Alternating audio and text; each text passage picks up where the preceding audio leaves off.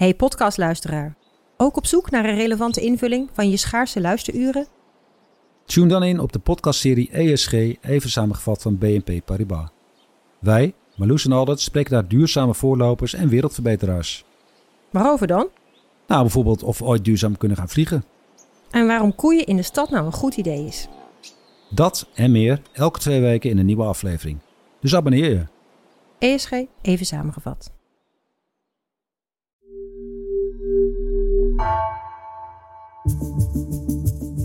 Vanaf de redactie van NRC het verhaal van vandaag. Mijn naam is Gabriella Ader.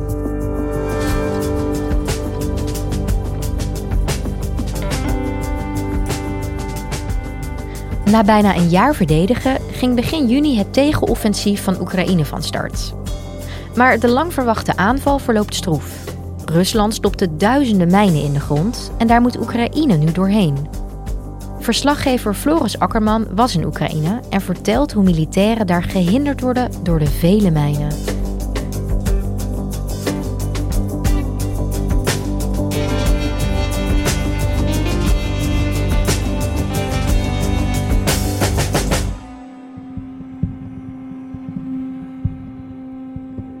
Ik was aanwezig bij een training op een uh, militair oefenterrein in Oekraïne. Op 25 kilometer van het front, gelegen tussen Zaporizhia en Donetsk. En ja, als je daar in vredestijd zou zijn, dan zie je daar prachtig glooiend landschap met gele zonnebloemvelden. Maar nu zag je brullende militaire voertuigen. Je zag groepjes soldaten, zoals het groepje dat ik heb bezocht, die bijles kregen over mijnen.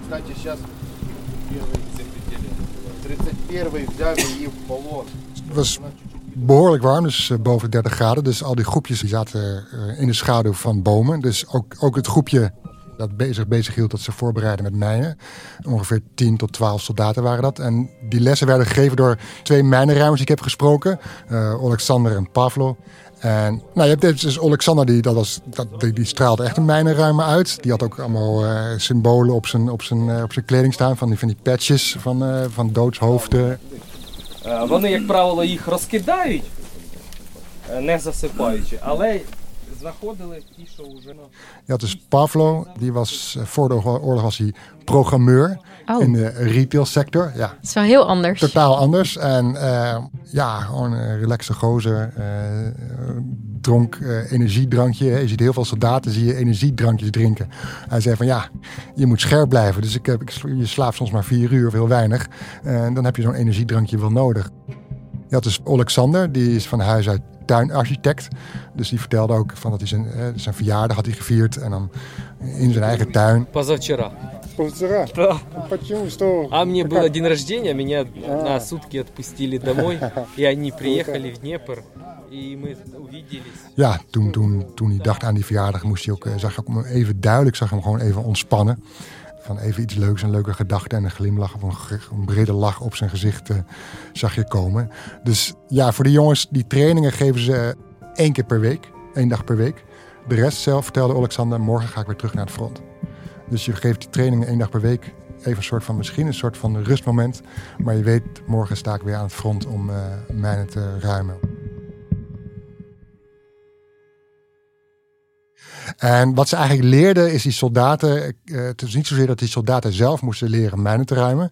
Maar het ging er vooral om, om mijnen te herkennen. Наша задача її обозначити.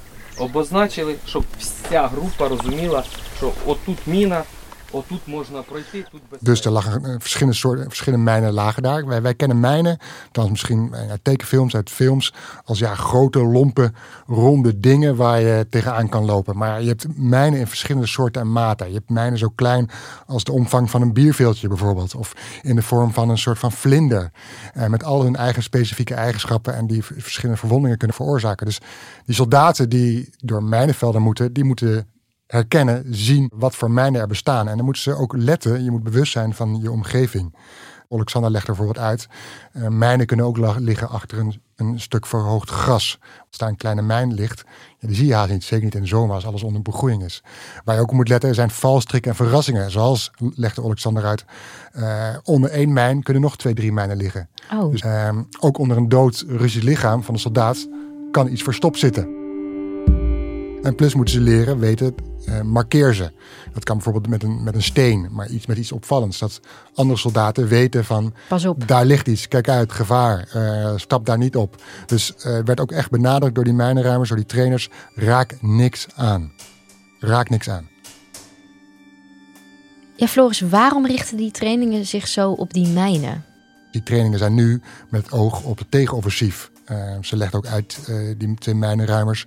Ja, we hebben een jaar lang in de verdediging gezeten. Moesten verdedigen, konden niet zoveel. Maar nu vallen we aan. Dat vergt weer nieuwe situaties, vergt weer nieuwe ervaringen, nieuwe methodes. В обороне стояли, и мы niet двигались никуда. То есть сейчас э, для нас это nieuw. новое. Вот. En wat blijkt eigenlijk is dat ehm, in de aanloop naar het tegenoffensief uh, waar Oekraïne zich op voorbereiden en wachten ook op wapens vanuit het Westen en daar tijd voor moest nemen, hebben de Russen die tijd gebruikt om een verdedigingslinie op te zetten. En die verdedigingslinie, dat zijn fortificaties van, van loopgraven, dat zijn uh, versperringen tegen militaire voertuigen, maar ook en vooral mijnen. Alleen maar mijnen, mijnen, mijnen.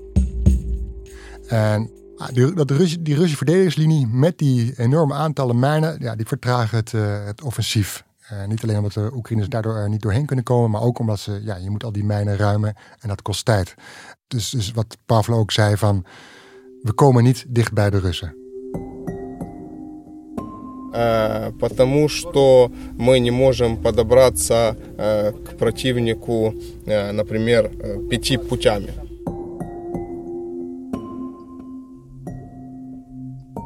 Ja, want hoe zit het nu met dat tegenoffensief?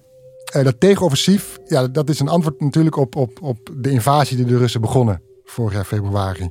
Uh, de Russen hebben Oost-Oekraïne deel ingenomen. Ze hebben uh, het zuiden deel ingenomen. En het tegenoffensief is erop gericht om die gebieden weer te bevrijden. Dat begon in begin juni. En dat leek eigenlijk, de Oekraïners leken daaruit op een snelle doorbraak ergens in, in de, in de Zuid-Oekraïnse, aan de Zuid-Oekraïnse front, in, in, de omgeving van Zaporizhia. De Russen hadden daar ook verwacht dat de Oekraïners daar wilden doorbreken. Want als je daar doorbreekt vanaf het zuiden, vanaf die lijn richting iets ten oosten van Zaporizhia, dan kun je in één keer, is het idee, scenario, doorknallen naar, naar het zuiden richting uh, de zee, zee van Azov. Dan heb je eigenlijk de Russen die daar vastzitten, geïsoleerd van de aanvoer. Dus dan hebben ze in twee gesplitst.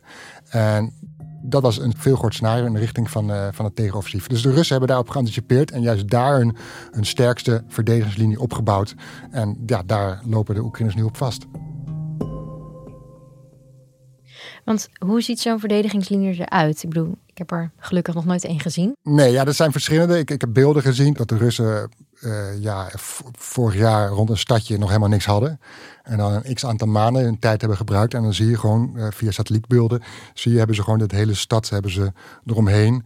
Ja, fortificaties aangelegd, loopgraven, uh, mijnen, versperringen of obstakels tegen militaire voertuigen. Ik moet soms een beetje denken aan onze steden uit de Gouden Eeuw. Die hadden, ook een verdedigingswerken met, met muren en met grachten om stadjes heen. En nou ja, zo moet je dat ook voorstellen. Dat de Russen dat met uh, Oekraïnse steden hebben gedaan in, in bezet gebied. En dus kleine stadjes hebben ze op die manier verdedigd. Maar ook gewoon in velden hebben ze gewoon al die mijnen neergelegd. En dan moet je ook denken in aantallen. Uh, er sprak een hoge politicus bestuurder uit, uh, uit, de Oekraïnse Veiligheidsraad, de heer Danilov, secretaris van de Oekraïnse Veiligheidsraad. Die had het over drie tot vijf mijnen per vierkante meter. En die mijnenruimers hadden het over, die, die wees me naar een bosrand. Nou, je moet je voorstellen, dat is een bosrand van een kilometer. Daar kunnen 800 mijnen liggen. En dus dat zijn aantallen, zei hij ook. We wisten dat de Russen tijdens die aanloopperiode, na het tegenoffensief, bezig waren met het leggen van mijnen. Maar dat er zoveel waren, dat konden we ons niet voorstellen. Ik vroeg ook aan een zo'n mijnenruimer, ja, hoe, hebben ze dat, hoe doen ze dat, 800 mijnen, hoe doe je dat? Hoeveel nodig? Вот 80 людей взяли ночью, вышли 80 человек. Вот за, грубо говоря, за ночь 80 человек положат. 80. En toen zei hij, ja, je gaat met 80 man s'nachts op stap. En elke persoon, elke soldaat heeft 10 mijnen bij zich. Ja, en die leg je neer. En ja, dan heb je natuurlijk binnen een van tijd heb je 800 mijnen neergelegd. Ja, tuurlijk. Bizar. En het mijnenruim aan zich gaat ook langzaam, heel langzaam, zei Alexander. Pavlov had het over van... je doet er eh, in vijf minuten doe je één meter, leg je één meter af. Eh, большая внимательность и концентрация mm на... Постоянно ты смотришь вниз, чтобы на что-то не... Je bent constant voorzichtig aan het kijken. Je kan niet blind uh, eh, eventjes door zo'n mijnenveld heen stappen. Je bent, hij zei ook, het is, het is ook zwaar werk. Je bent geconcentreerd, je moet constant naar beneden kijken. И сейчас жара и большой, э, ну, трава высокая. Угу. Высокая трава, которой ты просто пробираешься, как в джунглях. Dus elke voetstap is gevaarlijk en moet je voorzichtig mee zijn. Het is 30 graden, dus het is warm, dus het vergt heel veel inspanning om mijnen te ruimen. Не видно ничего. И ты пробираешься, ты буквально пробираешься там 1 э, meter. 1 meter in 5 minuten. Dat, dat, dat schiet natuurlijk niet op. En hij zegt ook, ja, dan moet je met een, met een pijlstok moet je in de grond prikken en onderzoeken die grond. У тебя 20 занять 20 минут, а может занять весь день, потому что именно этот участок, где ты работаешь, eh, ja, dat, alleen al dat mijnenruimer dat vergt enorm veel tijd. Hij legde me uit van ja, een mijn kun je in 20 minuten onschadelijk maken. Maar als jij een mijnruimer bent, een mineur bent, dan kan het ook een hele dag duren om zo'n mijn onschadelijk te maken. Want de Russen eh, kunnen je beschieten. Eh, противник постоянно ведет огонь из артиллерии. Угу, и ты угу. просто находишься в укрытии и ждешь, пока противник прекратит это делать. Угу, угу, угу. En dan moet je wachten en schuilen totdat de kust veilig is en dan weer verder gaan met je mijn. Ja, jij hebt het nu over uh, dat ze met hun handen, hè, met die, met die doen. Maar waarom gaat dat niet machinaal? Ja, dus er zijn wel, het Westen levert wel uh, machines, anti-mijnings, ons machines. Maar die zijn zo kostbaar en die liggen dan dusdanig binnen de artilleriebereik van de Russen. Ja, die worden binnen, binnen no time worden ze uitgeschakeld. Dus ja, daar heb je eigenlijk niet zoveel aan. Dus die, die ontmijningsmachines, legde een van die jongens me uit, die worden gebruikt bijvoorbeeld rond Kiev. Daar liggen natuurlijk allemaal nog mijnen om daarvoor de, de burgers eh, te voorkomen dat die op mijnen stappen. Dus die machines, die dure machines, worden daar gebruikt eh, in die regio's. Maar aan het front is het gewoon eigenlijk handwerk. En ja, het is, het is gevaarlijk werk. Want wat die mijnenruimers, die gaan eigenlijk als eerste het veld in. En wat, wat, wat zij doen is als een ijsbreker maken ze een vrije doorgang door het mijnenveld. Een vrije doorgang voor andere soldaten. Een vrije doorgang voor aanvoer van munitie. Een vrije doorgang voor, voor voertuigen. Maar ook een, een doorgang om gewonden ook weer mee te kunnen afvoeren. Dus ja, zij moeten als eerste eh, dat veld betreden of na- naar voren. En dat is natuurlijk enorm risicovol werk. Want je bent tegelijkertijd ben je natuurlijk bezig met die mijnen ontruimen of te controleren waar liggen mijnen. Maar je bent ook kwetsbaar voor Russische beschietingen. Ja, dus als ik jou zo hoor, dan denk ik... Wie wil zo'n mijn on- onschadelijk maken? Wie zijn die mineurs? Ja, eh, eh, Pavlo stelde. eh, eh, ik, sprak, ik sprak met Pavlo en Alexander daarover. En die, ja, Alexander zei van. Ik vroeg aan hem: ja, waar- waarom ben je geen tankbemanning bemanning geworden? Waarom ben je geen sluipschutter geworden? Hij zegt: ja, het lot heeft zo beschikt dat ik mijnenruimer ben geworden. En Pavlo zei van. Ja, ik heb een bevel gekregen van bovenaf om mijnenruimer te worden. Ja, je bent in oorlogstijd en een bevel. Ja, daar gehoorzaam je aan. Daar stel je geen vragen bij. Dat doe je gewoon. Je volgt gewoon op wat jou wordt gezegd. Want er zijn gewoon te weinig mijnenruimers. Ja. Eh, ze hebben meer mijnenruimers nodig en daarom duurt het natuurlijk ook zo lang. En omdat als je er meer zou hebben, zou je ook meer mijnen kun, onschadelijk kunnen maken. Het is dus eh, risicovol werk. Eh, ik vroeg ook aan ze van, ja, ben je bang? En Alexander zei, zei van ja, iedereen is bang. Ja, iedereen is bang dat er wat gebeurt. Да, ik то, Dat je omkomt, dat je iets verliest. Dus ze vertelde ook, ja, collega's, mijnruimers die hun benen zijn afgerukt. Ja, tuurlijk. Eh, eh, tot, eh, in het beste geval verlies je nog een voet.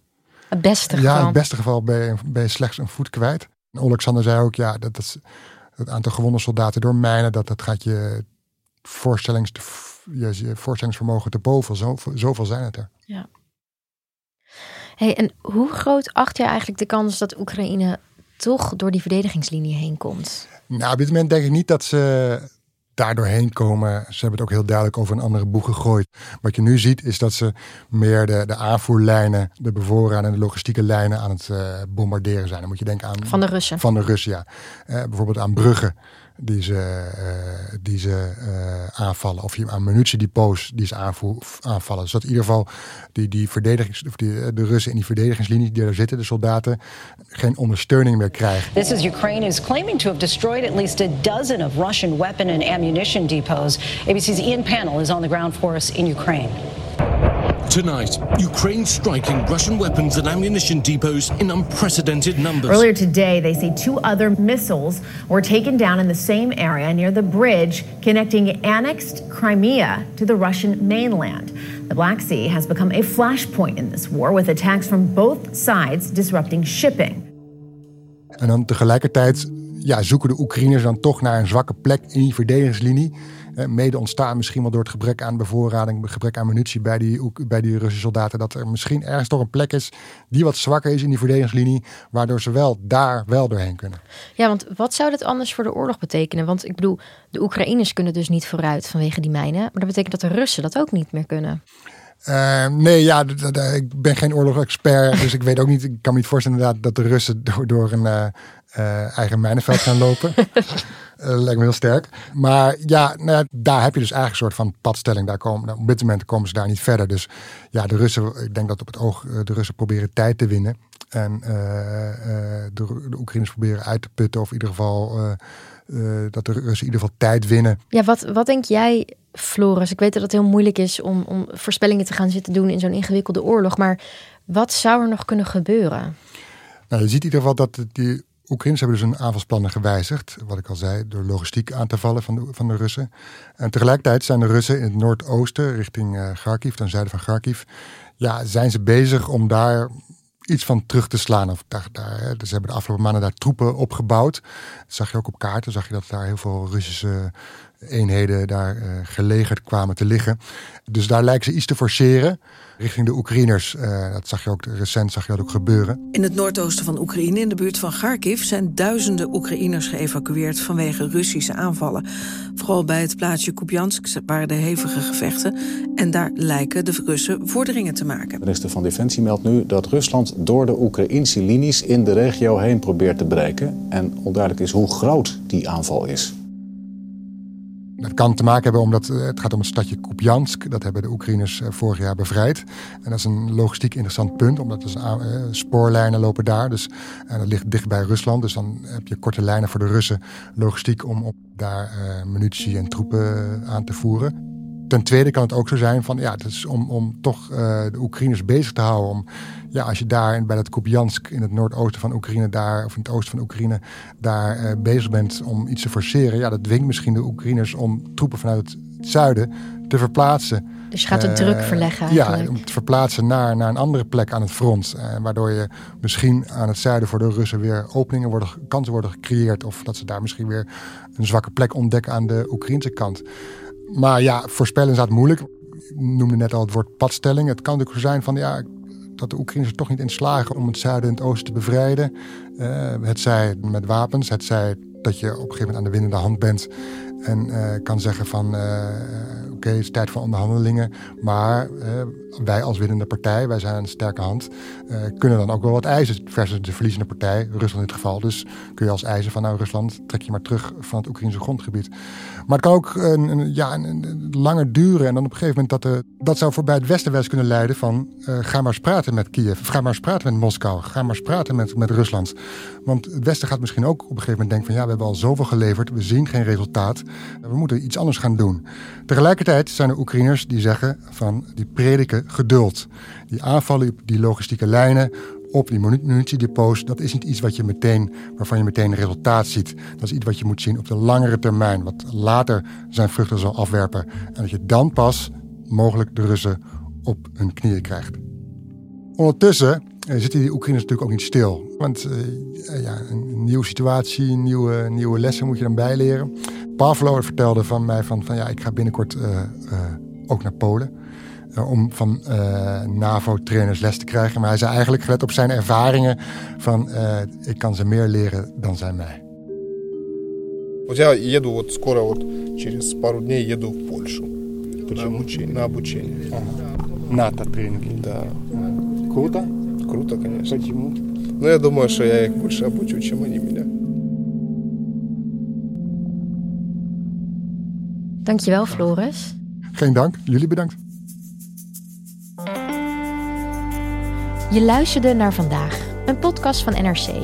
Eén verhaal, elke dag.